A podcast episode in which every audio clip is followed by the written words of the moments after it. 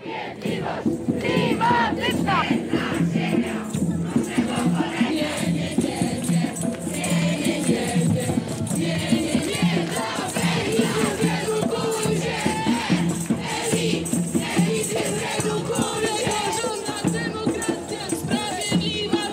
klimat jest ważny, bo przyszłość to zielona, nowoczesna energia. Moją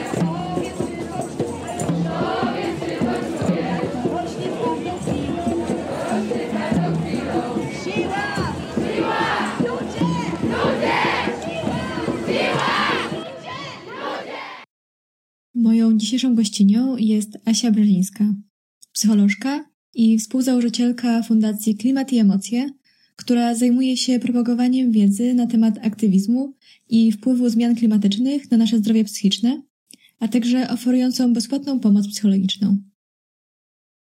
To moim pierwszym pytaniem do Ciebie byłoby to, czym właściwie są lęki klimatyczne, kiedy możemy powiedzieć, że występują one u nas, jakie są ich objawy, a może szerzej depresja klimatyczna, która nie jest y, jednak jednostką chorobową, ale jest takim pojęciem, które jest używane w kontekście y, zdrowia psychicznego i zmian klimatu. No to zacznę od, od końca tego pytania właśnie o depresji klimatycznej właśnie, że nie ma takiej jednostki chorobowej i raczej nie będzie. E, tak samo jak e, w ogóle depresja jako jednostka chorobowa nie ma tak jakby tematu, kierunku, po prostu mówimy o depresji. E, I to jest bardziej potoczne pojęcie, które tłumaczy taką bardzo głęboką rezygnację, głębokie jakiś, jakiś brak nadziei, taki, jakieś zblokowanie, które jest wywołane właśnie tematami związanymi z klimatem i ze zmianami klimatu, z degradacją naszej planety. E, I no bardziej to jest takie mm, hasło, którego, którego, e, które, które jest coraz szerzej, tak bym powiedziała, rozumiane przez osoby, które się zajmują tym, e, ty, ta, taką tematyką. Depresja klimatyczna może zamienić się w depresję medyczną, która faktycznie wymaga leczenia psychiatrycznego, być może farmakologii i być może psychoterapii, a z kolei lęk Lęk klimatyczny to jest takie bardziej, bym powiedziała, miękkie, bardziej ogólne pojęcie, o którym jakoś tak łatwiej mówić. Lęk klimatyczny czy ekolęk, e, ale który również może powodować taki lęk, który uniemożliwia funkcjonowanie. To również jest e, e, coś, co powinniśmy skonsultować ze specjalistą lub specjalistką i również może być chorobą tak na, bo pytanie brzmiało, kiedy zaczyna się lęk klimatyczny, tak? Właśnie tak sobie myślę, że no nie wiem, wtedy, kiedy się po prostu myśli o tym, że boi się zmian klimatu, że to tak jakby ogarnia nasze życie i znowu taki jakby stopień nasilenia tego jest istotny, bo jeżeli my po prostu czujemy taki niepokój, tak? Jak o tym my myślimy, czytamy, mówimy, rozmawiamy, to y, jeszcze mamy to jakoś tak pod kontrolą, tak? Że jesteśmy w stanie funkcjonować, no to mm, powiedzmy, wie, wiele rzeczy wywołuje lęk, tak? Więc tak samo właśnie zmiany klimatu, czy degradacja przyrody, czy utrata bioróżnorodności, ale w momencie, kiedy to nam utrudnia funkcjonowanie i zaburza funkcjonowanie, to możemy już mówić o jakichś takich poważniejszych kłopotach. Tak samo z drugiej strony sobie myślę, taka psychiatra Liz van Susteren ze Stanów, e, która zajmuje się tematyką właśnie depresji klimatycznej i, i lękiem, właśnie ekolękiem. I ona przyrównała ten lęk, te uczucia, które odczuwają osoby zaangażowane i przejmujące się tym, co się dzieje z klimatem na świecie, Mm, przyrównała to do e, zespołu stresu pourazowego i nazwała to zespołem stresu przedurazowego, czyli pre-traumatic stress disorder, a nie post-traumatic stress disorder, e, ponieważ ona mówi, że te uczucia, które, e, te, te objawy, które mają osoby, które są zaangażowane w to i tak jakby antycypują, czyli tak sobie e, przewidują na podstawie badań, tak, na podstawie tego, co mówią naukowcy, jak będzie wyglądał świat, kiedy, kiedy faktycznie coraz więcej regionów świata będzie dotknięty dotkniętych skutkami zmian klimatu, te, y, te, te uczucia, te objawy, które mają te osoby, właśnie przypominają stres pourazowy, a przecież są przedurazowe. bo dopiero to przewidujemy. Innym takim pojęciem, o którym się mówi, to żałoba klimatyczna. I to też jest takie, taka żałoba po utracie cywilizacji, znowu taka na przyszłość, taka, taka antycypująca żałoba, e, żałoba e, po świecie, który znamy, żałoba po naszej cywilizacji. E, i to również e, niektórzy, niektórzy specjaliści czy osoby, które właśnie zajmują się tym, widzą w tym e, takie, taką analogię, że podo, podobnie jak na przykład są stadia żałoby, czyli zaprzeczenie, gniew, targowanie się, depresja, akceptacja, to e, tak samo możemy właśnie w tych, w tych swoich jakby klimatycznych emocjach, tych emocjach związanych z klimatem e, i z wiedzą na temat tego, co się dzieje na świecie, też możemy to jakoś tak przyrównać. Jeszcze jest takie zjawisko jak zjawisko, takie określenie jak solastalgia, E, to jest z kolei taki, taka nostalgia po utraconym krajobrazie, czy po utraconym świecie, jaki znamy, po utraconym na przykład, nie wiem, zna, znaliśmy jakiś fragment, czy znałyśmy jakiś fragment świata, gdzie był las, jeziorko, a teraz tam jest jakiś sucha dziura i kilka betonowych bloków i to jest właśnie też taka, taka nostalgia po tym, co, nostalgia, smutek, taka um, taka tęsknota za domem, mimo że jest się w tym domu, mimo że się nie zmieniło miejsca. Tak, właśnie, mam poczucie, że to są bardziej emocje e, związane z poczuciem utraty e, swoich nadziei, utraty swojego wyobrażenia o tym, jak może wyglądać nasza przyszłość, że bardziej e, boli nas to, że na przykład nie spędzimy swojej starości tak, jak sobie wyobrażałyśmy, siedząc w domku, w lesie, to możemy zrozumieć i może się okazać, że e, wcale tego lasu tam, gdzie chciałyśmy, nie będzie i to nasza przyszłość nie będzie wyglądała tak, jak byśmy chciały, więc ta żałoba na przyszłość jest taką żałobą po tak, swoich tak, oczekiwaniach. To jest takiego nadziei. właśnie, tak, to, to takie połączenie takiej solastalgii z tą żałobą, z żałobą na przyszłość. No więc jest dużo tych określeń, one tak naprawdę ułatwiają jakoś tak komunikowanie tego, co się czuje. E, I tutaj, y, co jest też istotne według mnie, to że mówimy o takich uczuciach człowieka uprzywilejowanego trochę, bo y, mówimy o takich uczuciach osób, które mają e, prawdopodobnie wyższe wykształcenie albo przynajmniej zainteresowania e, światem, klimatem, geografią, e, czytają, e, czytają jakieś publikacje na ten temat, czytają reportaże, które mają na to czas przede wszystkim, bo większość świata która być może większość mieszkańców świata, których dotknie lub nawet już teraz dotykają zmiany klimatu, nie mają takiego komfortu życia, nie mają takiej sytuacji życiowej, żeby odczuwać taki lęk klimatyczny, tylko po prostu są w swoich zmaganiach ze zmianami klimatu już teraz i mają mnóstwo e, problemów psychologicznych z tym związanych, bo mają też stres pourazowy po huraganach, powodziach, mają, doświadczają e, mm, utraty pracy, utraty miejsca pracy, e, właśnie zmiany krajobrazu, nie tylko w takim kontekście romantycznym, ale zmiany krajobrazu, która łączy się z, z utratą zatrudnienia na przykład, bo pracowali w turystycznym rejonie i on już teraz nie jest turystyczny, bo jest niebezpieczny, albo byli rybakami i już teraz na przykład nie ma e, wybrzeża, nie ma ryb, nie ma w, w tym rejonie i, tak, e, i, i również doświadczają takich, takiego szeregu problemów psychologicznych z tym związanych, ale nie, nie jest to taka depresja klimatyczna, tylko po prostu zupełnie inne, już takie konkretne jednostki chorobowe, nie chorobowe, może już konkretne zaburzenia.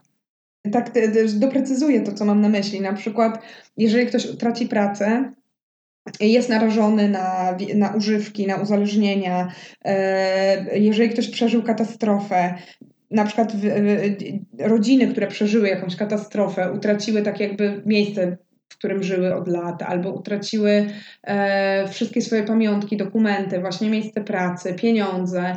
E, ta, takie, takie osoby są narażone bardziej na właśnie E, uzależnienia, przewlekły stres, dzieci są narażone na przemoc, e, wzrasta w ogóle agresja w takich, e, w takich środowiskach. Więc i, to, i na to akurat mamy twarde dane. Na to Amerykańskie Stowarzyszenie Psychologów ma, opracowało dwa raporty na ten temat, i tutaj już mamy konkretne liczby, w jakim stopniu osoby, które doświadczały już takich wydarzeń związanych z anomaliami klimatycznymi, są bardziej narażone na E, różne następstwa psychologiczne tych rzeczy. A czy mamy właśnie takie badania już o w ogóle e, lękach klimatycznych i o tych e, zaburzeniach przed właśnie, o których mówiłyśmy wcześniej? Czy pojawiają się już jakieś? Z tego co wiem, to nie. Właśnie cały czas to są badania na przykład bardziej jakościowe, ewentualnie na jakiejś grupie uczniów. E, bardziej się chyba bada świadomość e, zmian klimatu. Na przykład badania dr Magdaleny Budziszewskiej to są badania, które e, to są badania jakościowe, które są niezwykle ważne taką ważną podstawę e, stanowią dla, dla jakichś kolej, dalszych badań na ten temat, ale nie odpowiadają na pytanie, jak, je, jak to zjawisko się rozkłada w populacji. O, to właśnie poruszyłaś wątek, który jest dla mnie bardzo ciekawy, ponieważ wynika trochę z tego, że można powiedzieć, że całe lęki klimatyczne e, są w pewien sposób uwarunkowane klasowo, wynikają trochę z statutu majątkowego, mm, ponieważ dotyczą głównie e, globalnej północy, która jest zdecydowanie innej sytuacji niż południe i boimy się właśnie tego, że sytuacja, e, która występuje na południu, e, do nas przyjdzie i w pewien sposób są to lęki uwarunkowane mhm. tak geograficznie. Tak, myślę, że tak. Na przykład się podaje jednym z takich argumentów, y, żeby się przejąć zmianami klimatu, to, są, to jest ta fala uchodźców klimatycznych, która przyjdzie do Europy. I y, i te, ten argument się tak podaje na zasadzie, że dbajmy o klimat, bo inaczej przyjdą uchodźcy. E, I którzy, w zasadzie, którzy już są, tak, że już, już, jest, e, już, jest takie, już jest to zjawisko. I e, tak mówimy to jako o naszej przyszłości, a przecież to jest teraźniejszość dla tych osób. Czyli już, e, okej, w przyszłości to będzie więcej milionów, teraz to jest mniej osób, ale e, to już jest teraz dla, dla, dla życia jednostek. I y, tak sobie jeszcze myślę, że oczywiście warto wspomnieć, i to jest też takie nasze brzemię, taki nasz ciężar, że te osoby, które już teraz są dotknięte przez zmiany klimatu, to są tak naprawdę osoby, które jakby nie skorzystały na eksploatacji planety, tak jak my. Bo nie, to, to nie są osoby, które. No to są osoby, które są najmniej winne tej sytuacji, które w ogóle nie doświadczyły takiego komfortu życia, jaki my mamy, a są zmuszone do jeszcze większego dyskomfortu. Tak, dokładnie. Właśnie mam poczucie, że to też jest bardzo ważna sprawa, że pomimo okropności uczucia, jakim są lęki klimatyczne, to w pewien sposób możemy powiedzieć, że mamy komfort e, tego przyzwyczajania się do tej myśli i sytuacji i że mm, nie dotykają e, te problemy nas jeszcze w tym momencie i poprzez e, ten czas oczekiwania możemy trochę przyzwyczaić się do tej myśli, przygotować się na to, co będzie, jeszcze jakoś działać, a niektórzy są tego pozbawieni. Więc y, kolejnym pytaniem byłoby y, to, jakie są w ogóle mm, główne objawy y, lęków klimatycznych, jakie są takie najczęściej wymieniane utrudnienia w życiu codziennym, które są odczuwane, kiedy zajmujemy się tym klimatem i przejmuje nas ta sprawa bardzo mocno. Mm, e, myślę, że to jest bardzo indywidualne, e, ale y, jest też, mówi się też o tym, że z drugiej strony, mając świadomość y, i wiedzę na temat zmian klimatu, to też z drugiej strony jest normalne martwić się tym. I na przykład już wspomniana przeze mnie psychiatra Liz van Susteren, Ona powiedziała tak, że jakby z jednej strony się tak jakby mówi się o lęku klimatycznym jako o czymś nienormalnym, a z drugiej strony przecież to jest taka sytuacja, jakbyśmy siedzieli sobie na torach i robili piknik i się bawili świetnie na tym pikniku i nagle kilka osób zauważa, że zbliża się pędzący pociąg. I teraz, czy normalnym jest tam siedzieć dalej i sobie piknikować, czy normalnym jest po prostu wpaść w panikę, zabrać wszystkich, ostrzec ludzi i uciec? I to jest trochę właśnie też, e, to jest też takie warte wspomnienia, że jednak może właśnie alarmowanie i e, mówienie o tym jednak jest być może e, właśnie normalną reakcją. A jeśli chodzi o to, czy jeśli chodzi o to, czy jak to się objawia, to wydaje mi się, że no, objawia się różnie, tak? Bo można, jakby objawia się tak, że ludzie się martwią o swoje dzieci, martwią się o swoją przyszłość, martwią się, tak jak już wspomniałaś, o swoją emeryturę, przestają, pla, przestaną plano, przestają planować. Mnie na przykład chyba najbardziej poruszają takie młode osoby, takie późne nastolatki, 18-19-latkowie, e, którzy na przykład decydują, że nie idą na studia, bo walka o klimat jest tak ważna, że po prostu nie mamy czasu na studiowanie czegokolwiek. Mm.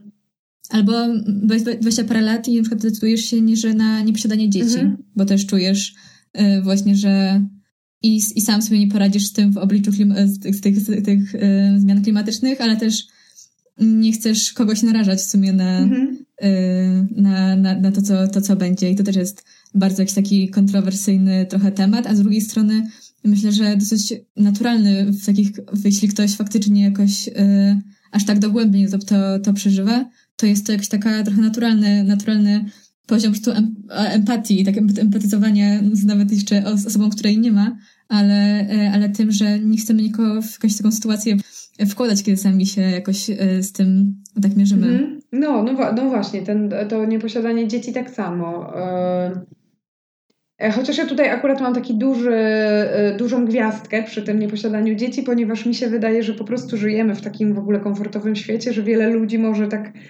po prostu zrezygnować z tego modelu życia, że trzeba mieć dzieci, więc to też jest Mm, myślę sobie, że osoby, które naprawdę tak strasznie pragną mieć dzieci i mają, czują bardzo silny instynkt rodzicielski, e, myślę, że rzadziej, rzadziej rezygnują z posiadania dzieci niż osoby, które tak czuły, że mogłyby mieć, ale w sumie to nie, to tak jakby jest, e, tak, tak, tak, to jest, ale to jest takie bardzo moje subiektywne doświadczenie i takie rozważania na ten temat, że jednak znam osoby, które tak bardzo pragnęły mieć dzieci, że no nie były w stanie zrezygnować z tego, mimo, mimo ogromnej, potężnej świadomości zmian klimatu, ale wiem też, że są osoby, które bardzo chcą mieć dzieci i jednak się nie decydują.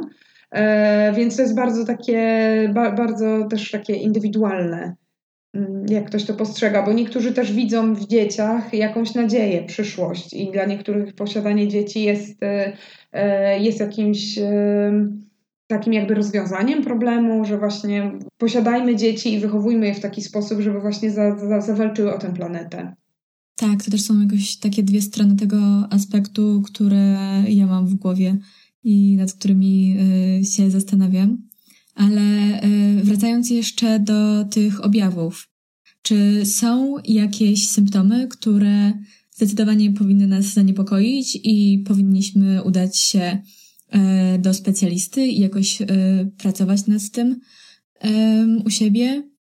Bo ja ze swojej, ze swojej historii miałam przy odczuwaniu silnych lęków klimatycznych jakiś taki odruch, że E, latem e, sprawdzałam bardzo dużo e, pogody i kiedy była ona, kiedy temperatura była jakoś bardzo wysoka, to, to było dla mnie jakieś bardzo straszne uczucie, stresujące, że taka wysoka, tak wysoka temperatura latem jest w Polsce i że robi się już tak ciepło, a wcześniej zupełnie było to jakoś nie, niedopuszczalne, żeby takie temperatury powyżej 30 stopni były przez tak długi okres w Polsce.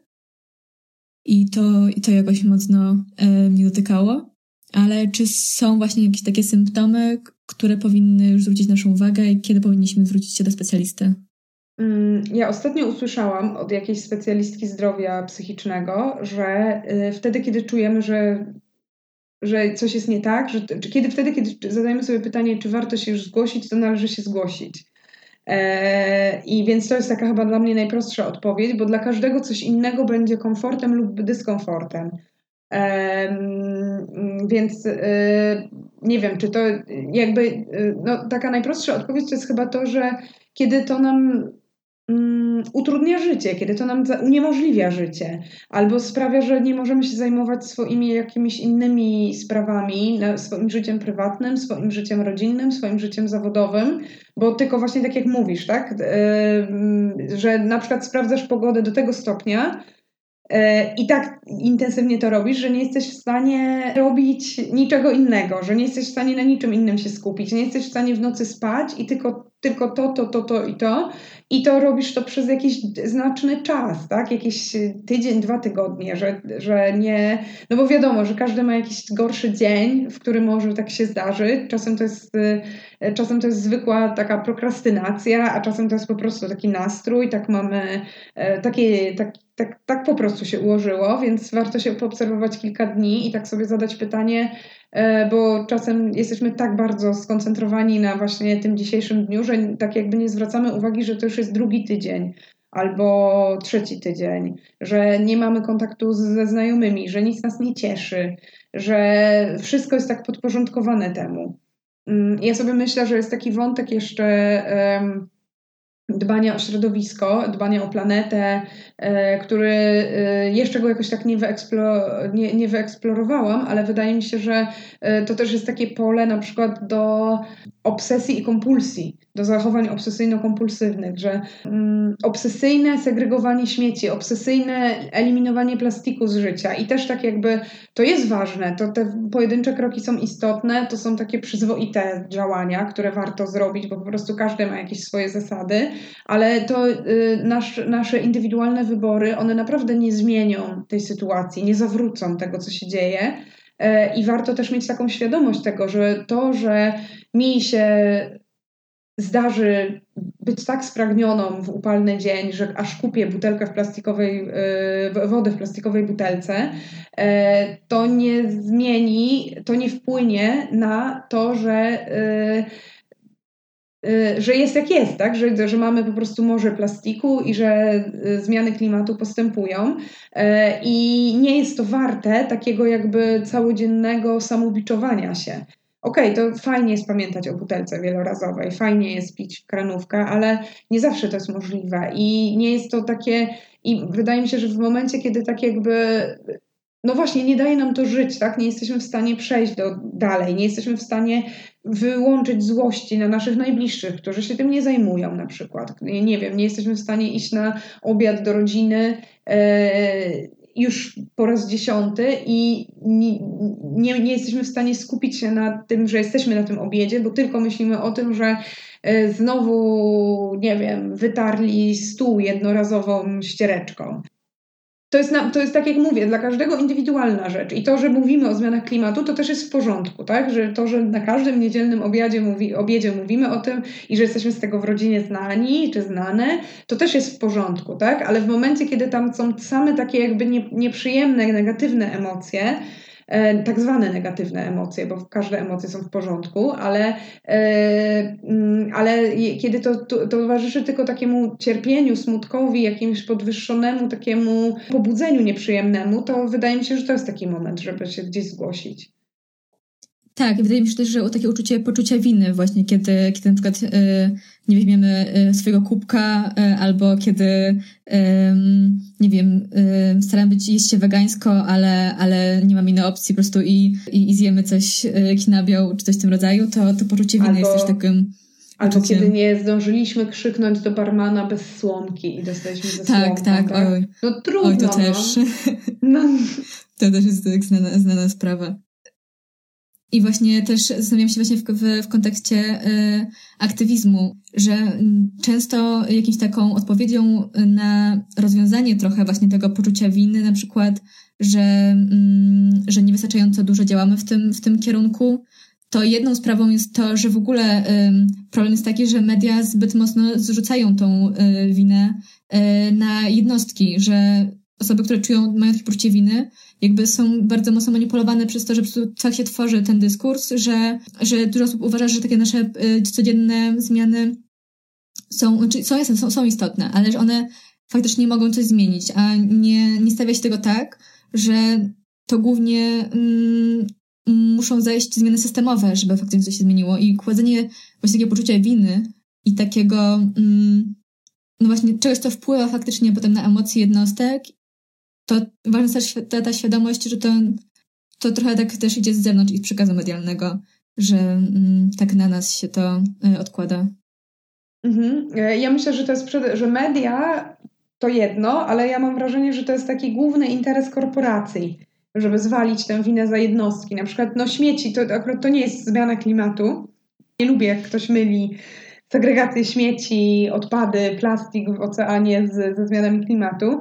E, ale to jest akurat przykład, który mam, mam w głowie, że my jesteśmy tak skupieni na tym, że mamy segregować śmieci, że mamy eliminować śmieci, żeby je dobrze wyrzucać, i ewentualnie jesteśmy w stanie unieść wzrok na poziom gminy czy naszego, e, nie wiem, miasta czy powiatu, w którym jest jakieś wysypisko śmieci albo, segre, albo jakieś miejsce, gdzie się segreguje śmieci, e, że zapominamy w ogóle spojrzeć na to i tak jakby nie mamy czasu już się zastanowić nad tym, że ej, a może sprawić, żeby y, korporacje były odpowiedzialne za swoje śmieci, że jeżeli produkują coś w jakichś opakowaniach, to, to niech oni biorą za to odpowiedzialność, tak, a nie ja, bo to, że my potrzebujemy zdrowego y, jedzenia, pełnowartościowego y, i chcemy się odżywiać w sposób zrównoważony, różnorodny i tak dalej, to nie jest, to jest jakby jedno, ale dlaczego jakby kupując jakiś właśnie zdrowy produkt, ja muszę targać ze sobą trzy śmiecie, tak? Bo na przykład jogurt to jest tak, tekturka, plastik i, i wieczko, które jest nieprzetwarzalne. I tak sobie myślę, że tak sobie myślę, że, e, to, że, że, właśnie tak jakby totalnie zwolniliśmy z odpowiedzialności za to producentów i na przykład jak, tak jak sobie myślę, tak jak doprowadziliśmy do świata, w którym Ktoś może wyprodukować śmieć, z którym nie wiadomo co zrobić, z który nie jest, nie nadaje się do niczego, nadaje się tylko i wyłącznie do spalenia albo do zakopania w dole. I yy, to jest totalnie, myślę, to jest totalnie nie w porządku, że po prostu jakim, z jakiej racji my po prostu tylko dlatego, że chcemy coś zjeść zdrowego albo że to lubimy, mamy za to ponosić konsekwencje. E, I tak samo jest właśnie z, tak samo jest właśnie z e, emisjami, tak samo jest właśnie z paliwami kopalnianymi, że jakby dla, jak to nasze indywidualne wybory mają, e, mają to uratować, kiedy to tak naprawdę przemysł, kiedy to tak naprawdę rządy podejmują takie, a nie inne decyzje. I tak jakby my, jakby taki nasz chyba najważniejszy indywidualny wybór to jest to, że po prostu możemy jakąś właśnie presję aktywistyczną e, mieć. Ja, ja, też nie neguję takich indywidualnych wyborów, bo ja widzę, że są jakieś dobre zmiany. Na przykład przykładem jest to, jak się, jak i do, dostępność wegańskich produktów i roślinnych produktów, za, jakichś zastępników, zastępczych produktów dla mięsa. To, to jest jakaś presja wyborów konsumenckich z pewnością, ale, y, ale tak jakby właśnie na jakąś taką równowagę warto w tym, y, w tym dostrzec. Tak, że, że, to, że to nie jest y, no, nasza wina, że, że to, że nie możemy kupić w swoim sklepie czegoś, to mm, jest to trochę wyższa, wyższa mhm. instancja, która powinna się tym zająć, a nie do końca my po prostu, że nie wiem, możemy spędzić godzinę szukając jakiegoś wegańskiego zamiennika, po prostu i sobie się tym zawracać sobie głowy. Mhm. W opakowaniu, w kompostowalnym opakowaniu. E, więc e, tak, i, i znowu, tak jakby jak sobie pomyślimy o tym, że możemy szukać godziny, jakby kto może szukać godziny tego zamiennika? Ty, ja, wydaje mi się, że chyba nie masz dzieci, ja też nie mam. E, mamy powiedzmy więcej czasu niż inny człowiek, mamy, nie, nie, nie, nie mamy podopiecznych, nie mamy E, jakiejś zagrożonej sytuacji bytowej, więc tak jakby mamy komfort i mamy przywilej w ogóle zastanawiania się nad tym, ale będąc na przykład samotnym rodzicem e, czy samotnym dzieckiem chorych rodziców, czy opiekunem, opiekunką dziecka niepełnosprawnego, jakie my mamy szanse podejmować właśnie indywidualne wybory w porządku, że to jest e, znowu przywilej osób, które mają pieniądze i czas. I więc, więc tak jakby zwalanie tego na konsumenta tak naprawdę sprawia, że będzie mnóstwo osób, które nie mają prawa do etycznych wyborów. Bo ja na przykład rozpatruję to, yy, znaczy nie, jakby uważam, że to yy, jakby jest tak jakby w kategorię etyki wrzucone coraz bardziej. Yy, i tak naprawdę to jest trochę etyczna sprawa, tak? Kto uszył moje skarpetki, kto uszył moją koszulkę. Mogę się nad tym tylko i wyłącznie zastanowić wtedy, kiedy mam na to czas, pieniądze i wiedzę, dostęp do wiedzy. Dokładnie. I też mam mm, trochę takie rozmyślania trochę z aktywizmem, ponieważ mówi się często właśnie i często jak z kimś rozmawiam, to w sumie jedyną opcją taką też na poradzenie sobie z tymi emocjami jest zaczęcie działania z kimś, wywierania presji. Ale zastanawiałam się też, no nie każdy ma przed ten czas, żeby wychodzić na tą ulicę, żeby faktycznie działać aktywistycznie, że na przykład nie każdy może też sobie pozwolić na czasami jakiś mandat albo nie z policją w momentach y, różnych y, nieposłuszeństwa obywatelskiego. Y, że y, faktycznie aktywizm jest tym, co dużo osób, y, jak sobie radzi właśnie z tymi lękami i to faktycznie jest dobry sposób, to naprawdę musisz mieć też komfort do tego aktywizmu i jakieś takie warunki, no bo właśnie jakieś samotne matki albo osoby jakoś no, w mniejszym, mniejszym y, uprzywilejowaniu czasu, to po prostu nie będą też mogły wywierać tego. Dlatego mhm. wydaje mi się, że mm, to jest taki najtrudniejszy moment, kiedy odczuwasz te lęki klimatyczne, ale na przykład nie możesz zacząć wywierać tej presji, że kurde, chciałabym, ale no jak mam to robić, kiedy, kiedy faktycznie te rzeczy na co dzień um, są inne. Mhm. Ale y, tak mi się wydaje, że to jest też y, mm, taki problem y, komunikacji organizacji aktywistycznych, klimatycznych, że oczekuje się i, te, i też, też to jest znowu moje osobiste doświadczenie, że jest dużo liderów, którzy oczekują takiego poświęcenia, takiego wkręcenia się w aktywizm, że jeżeli chcesz być aktywistą, to musisz to robić 4 godziny dziennie i spędzać na tym każdy weekend. A nie ma takiej jakby ścieżki, e, że na przykład mam godzinę w tygodniu i chcę robić aktywizm i co mogę robić w tę, w tę godzinę? Tak jakby jest, taki, jest takie trochę podejście wszystko albo nic. I ja z perspektywy aktywistki to rozumiem totalnie, bo nie ma nikogo, kto ma czas, żeby tak jakby rozpisać zadania i podzielić te zadania na takie jakby na wdrażanie ludzi, na, na podzielenie zadań właśnie takich, na, na takie jakby różny stopień wtajemniczenia i zaawansowania i zaangażowania. Ale prawda jest taka, że te prace są potrzebne. I gdyby, gdyby y, była taka lepsza komunikacja, czego konkretnie organizacja czy jakaś akcja potrzebuje, jakiego rodzaju zaangażowania, to mi się wydaje i, właśnie taka koordynacja rozdzielania tych zadań, to też wydaje mi się, że tych osób byłoby więcej. Że gdyby, gdyby tak bardzo się wsłuchać w potrzeby ludzi, i gdyby sprawić taką bezpieczną atmosferę, że ludzie się nie boją powiedzieć, czego chcą yy, i na co mają siłę, na co mają odwagę, yy, to wówczas byśmy, tak, i się byśmy skupili nie na tym, czego ludzie nie robią, nie na ich blokadach, tylko na ich potencjale, co mają. Że na przykład ktoś świetnie pisze, ale naprawdę nienawidzi wychodzić z domu w nocy, boi się policji, nie lubi hałasu, nie lubi tłumu, no to niech ta osoba siedzi i pisze notki prasowe na podstawie tego, co na przykład jej ktoś głosowe informacje wysyła. E, I my tak jakby tego, ja mogę te przykłady mnożyć, tak? To jest może jakieś takie idealistyczne podejście, ale no mówię to z perspektywy, e, mówię to z perspektywy e, osoby, która trochę tego doświadczyła i też uważam, że najlepsza akcja, w której wzięłam udział, właśnie była tak zorganizowana, że z góry było powiedziane, kto się ile angażuje, kto ile, kto ile tak jakby energii, kto ile procent, i jedna osoba z perspektywy, w ogóle nie, nie będąca na miejscu akcji, była takim jakby mm, biurem prasowym i to moim zdaniem wtedy wyszło na, i miała tylko dostęp tak jakby do informacji szybko i to moim zdaniem wtedy wyszło najlepiej. I jakoś tak mam wrażenie, że ten aktywizm, gdyby, gdyby tak dawać ludziom naprawdę prawo, że nawet jak będziesz działać pół godziny, to będzie ok. Tylko właśnie z drugiej strony ja też to rozumiem, że są osoby, które działają jakby na taki naprawdę sporą część etatu, albo nawet na dwa etaty aktywistyczne. E, I one tak jakby często zapominają i nie mają czasu na przykład dać feedbacku, dać zadania na pół godziny, e, dać e, tak jakby no właśnie, że nie ma, nie, ma, nie ma takiego podziału właśnie na to, że jest zadanie, które jest do zrobienia w pół godziny, tak? Że jest jakaś lista, na której możemy wybrać zadania. To, to zajmuje 10 minut, to 20, to godzinę, to 3 godziny, to tydzień. E, I wtedy by po prostu ludzie sobie to wybierali i po prostu, nie wiem, wchodzisz na jakąś stronę i po prostu bierzesz, ok, jest potrzebny post o tym i o tym. No to go piszę. I koniec aktywizmu na tydzień. A co w sumie jeszcze w tej sytuacji, no tak, jeszcze to nieidealnej, jaką właśnie e, pomoc może uzyskać jakaś tak osoba w, z lękami klimatycznymi, która no faktycznie jeszcze tego systemu nie mamy i nie bardzo może zaangażować, zaangażować się e, aktywistycznie, a, a potrzebuje jakiejś pomocy po prostu z, z, z tymi natarczywymi e, lękami klimatycznymi. Co, co wtedy? Wtedy idzie do klimatu i emocji.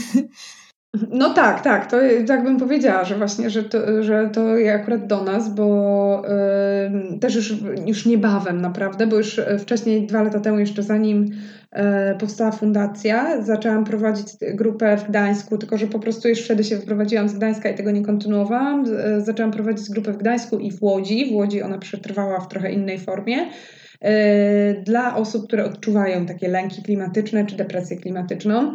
E, więc to niedługo, niebawem będzie reaktywacja online. Więc, no ale znowu, tutaj jakby znowu mówimy o grupie, żeby, się e, jakoś spotkać grupowo, bo wydaje mi się, że jeśli nie mówimy o jakiejś sytuacji klinicznej, takiej, że naprawdę to doskwiera tak to bardzo mocno w życiu, no to wtedy po prostu polecam jakiegokolwiek specjalistę, psychiatrę czy psychoterapeutę, i, e, i jakoś rozwiązanie tego, ale jeśli, jeśli to nie jest takie silne, to wydaje mi się, że najlepszą metodą jest kontakt z innymi ludźmi i tak naprawdę inne osoby mogą, e, tak normalizują te lęki. W ogóle ja też e, prowadząc liczne grupy wsparcia naprawdę od wielu, wielu lat, widzę, że chyba taką największą moc terapeutyczną, czy taką jakby y, dającą, dodającą otuchy ma zdanie Boże, ja też tak mam. Nie wiedziałem, że ktoś jeszcze tak ma. Boże, myślałam, że jestem nienormalna, że tak mam. A ty też tak masz, o rany. I że to, te zdania są tak po prostu pokrzepiające, jak się usłyszy to, że ja pamiętam pierwszą y, grupę taką dotyczącą depresji klimatycznej, którą prowadziłam przed drugim obozem dla klimatu.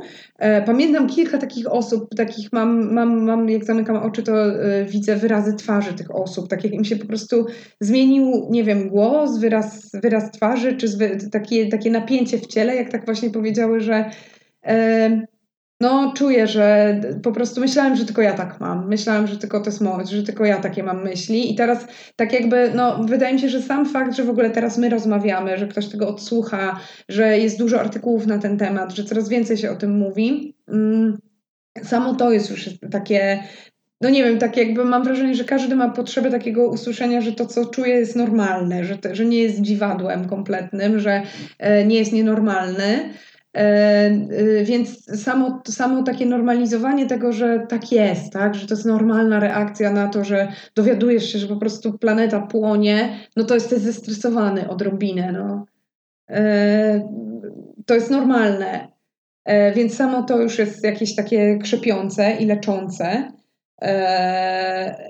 Ale mimo wszystko ja zachęcam do takiego zaangażowania się w jakieś działanie, jakiekolwiek, nawet jeśli to ma być jakaś grupa na Facebooku, aczkolwiek ja wiem, że grupy są bardzo takie, ja, ja na przykład już nie jestem w żadnych grupach Zero Waste, ani e, za bardzo jakichś takich skupionych na jakichś pojedynczych nawykach, bo wiem, że to jest takie bardzo też e, oceniające i tutaj akurat jest jakaś taka silna potrzeba takiego e, E, takiej, takiego ustalania, co jest moralne, co jest w porządku, co jest nie w porządku, więc tutaj akurat to jest, e, no to jest trudne, ale to jest totalnie niewskazane i totalnie niepotrzebne. Tak, tak, też, też to właśnie zauważyłam, że yy, wtedy odzywa się to, co, o czym mówiliśmy wcześniej, takie poczucie winy chyba trochę tych osób, że co, co właśnie jednostkowo po prostu one robią i trochę takie targowanie się, kto robi czego więcej i lepiej, a mm, tak, a nie ma tego zrozumienia, w sumie od góry, z, z, czym to jest problem i to, że one po prostu, sama, sama ta dyskusja po prostu nie powinna mieć w ogóle miejsca, po prostu, że indywidualne osoby kłócą się o to, czy, czy to, co kupiły jest bardziej ekologiczne, czy mhm. mniej.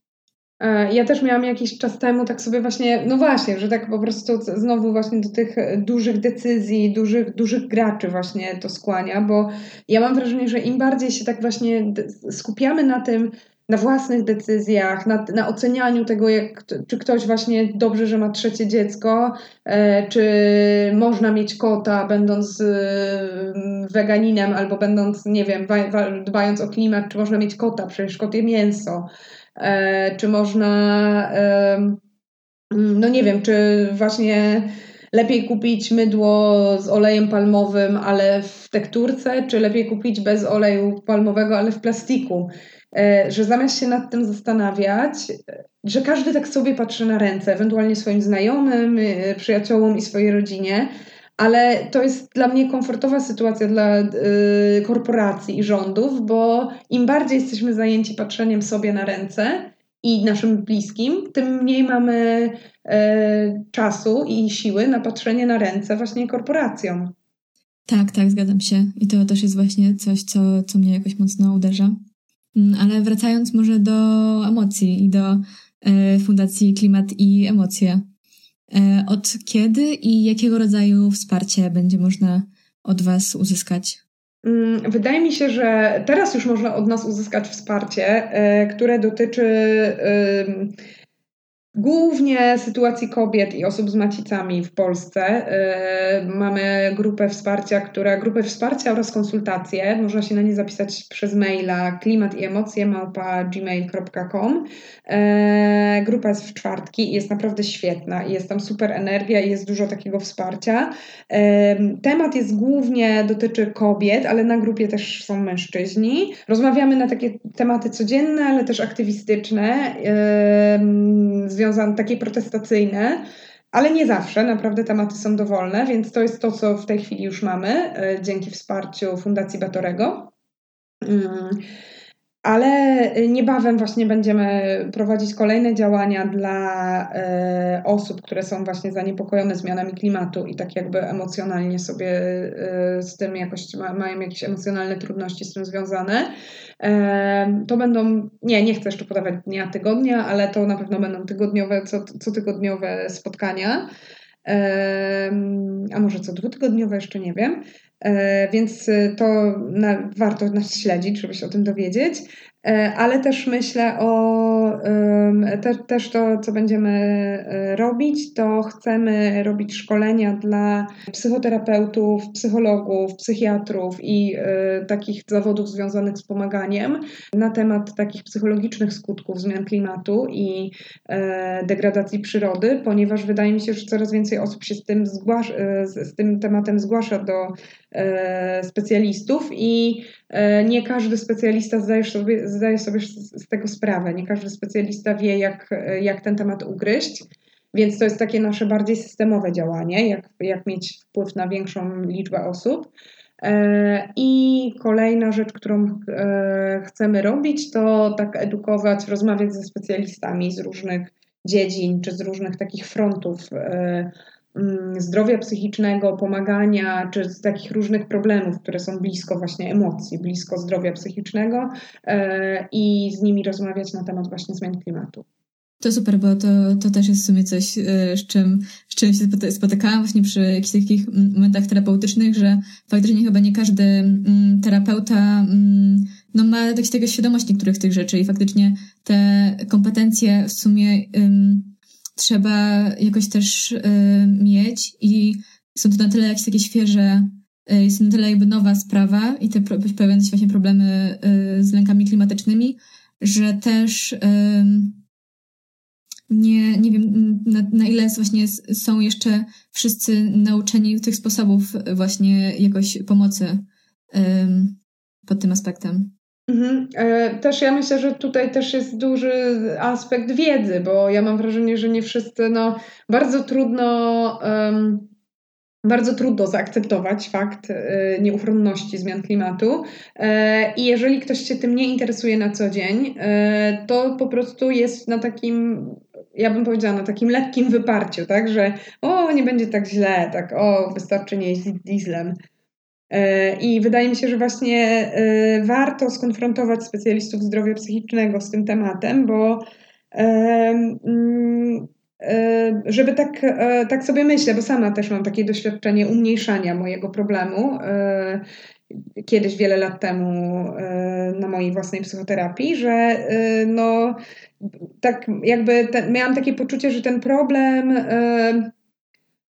że moje zaniepokojenie zmianami klimatu yy, i degradacją planety Ziemi był tak jakby uznany za taką wymówkę do takich moich zadań życiowych, ról życiowych, które powinnam podjąć w swoim wieku.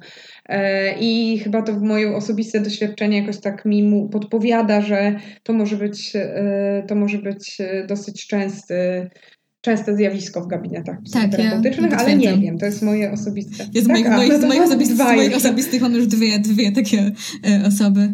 Okej, okay, to mamy trzy, to ma, mamy trzy, dobra, ale ja mam, a ja mam jedno e, teraz e, inne doświadczenie psychoterapeutyczne, na którym właśnie to już nie jest negowane, więc no mamy powiedzmy 75%, tak?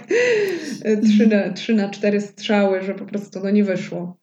Mm. Teraz tak myślę, y, na ile, na ile jeszcze masz energii, tak jeszcze, bo chciałam ten wątek pociągnąć tego, na ile ten klimat i emocje wychodziły od y, twoich i wcześniejszych właśnie y, lęków klimatycznych, bo ja trochę mam na przykład tak, że trochę właśnie cały podcast wychodzi właśnie od, od moich lęków klimatycznych, z którymi, przez które przychodziłam i tych doświadczeń, po prostu tego właśnie zobaczenia na ilu poziomach w sumie właśnie co, co trochę nami działało, trochę nie i zobaczenia właśnie tego, jak bardzo te historie, jak dużo dają. Samo to słyszenie właśnie, że ktoś, po prostu ktoś tam sobie jak, jak radzi, albo nie wiem, taka ciekawość Jezu, jak sobie właśnie radzą z tym naukowcy zajmujący się zmianami klimatu, że oni po prostu widzą na co dzień, badając jakieś takie y, na żywo te degradacje lasów, pożary, i jak oni sobie radzą z tym, że widzą to na żywo, bo nie wiem, mi stają przed y, łzy jak z tego w oczach, jak widzę wycięty las y, na spacerze, ale jak ktoś codziennie jakby y, się tym zajmuje i po prostu na co dzień siedzi w tym temacie, to to jest mocny jakiś taki kop y,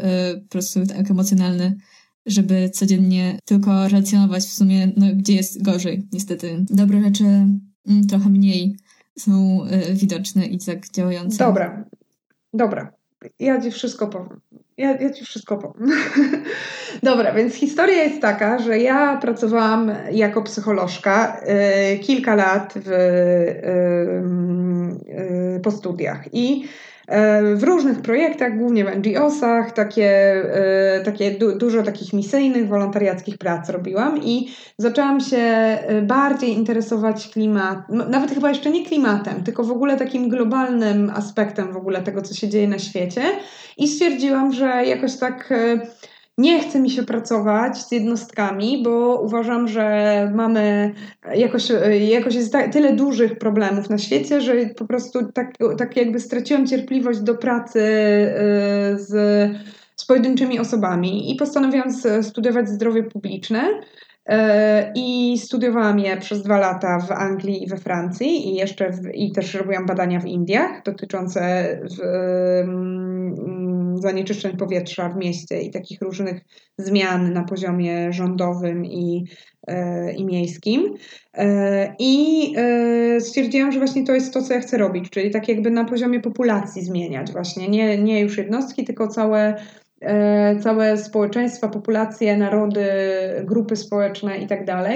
No i na, jako swoją specjalizację wybrałam zdrowie środowiskowe. E, no i tam wpadłam już jak e, wpadłam po uszy właśnie w tematykę klimatu, w takich e, i to taką szeroko postrzeganą, bo klimatu, zanieczyszczeń powietrza, środowiska, wody, niesprawiedliwości społecznych, globalnego południa i globalnej północy i takich przeróżnych po prostu aspektów, które tak naprawdę wpływają na nasze zdrowie. E, no i już tak chciałam się zajmować już tylko właśnie zdrowiem i zdrowiem i klimatem, zdrowiem i środowiskiem. E, I wróciłam do Polski, za, za, zaczęłam się zajmować e, aktywizmem trochę.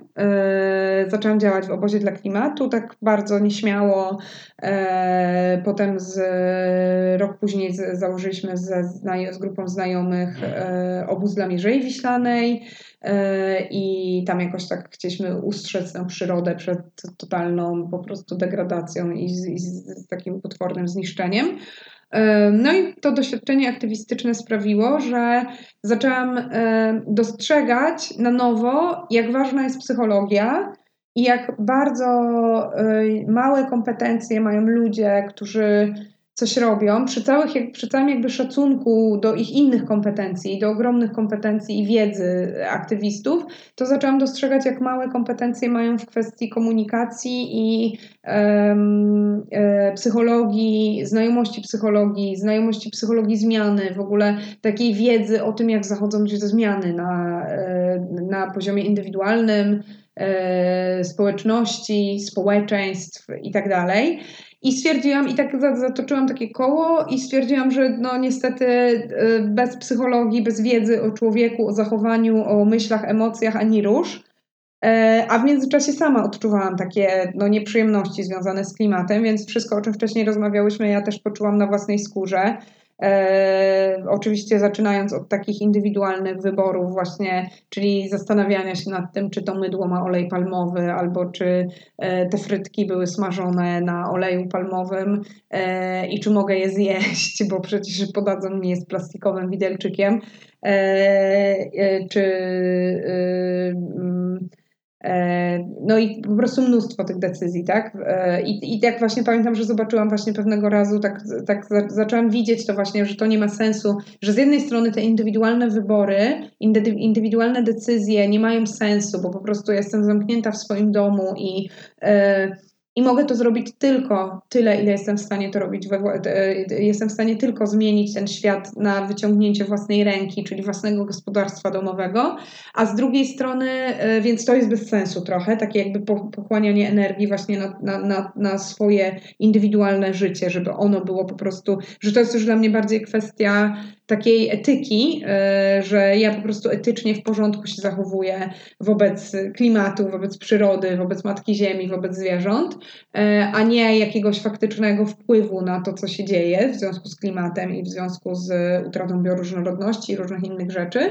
E, a z drugiej strony, patrząc na aktywizm i na takie działania o takim wielkim impakcie i takich, takim wielkim wpływie, to wydaje mi się, że one byłyby skuteczniejsze, gdyby mm, aktywiści, liderzy e, lepiej znali siebie, swoje emocje, mieli większą, większy kontakt ze sobą e, i lepiej znali w ogóle ogólnie psychologię i wiedzę o, e, i mieli wiedzę na temat emocji i zachowań, bo wówczas mogliby porwać ze sobą więcej osób.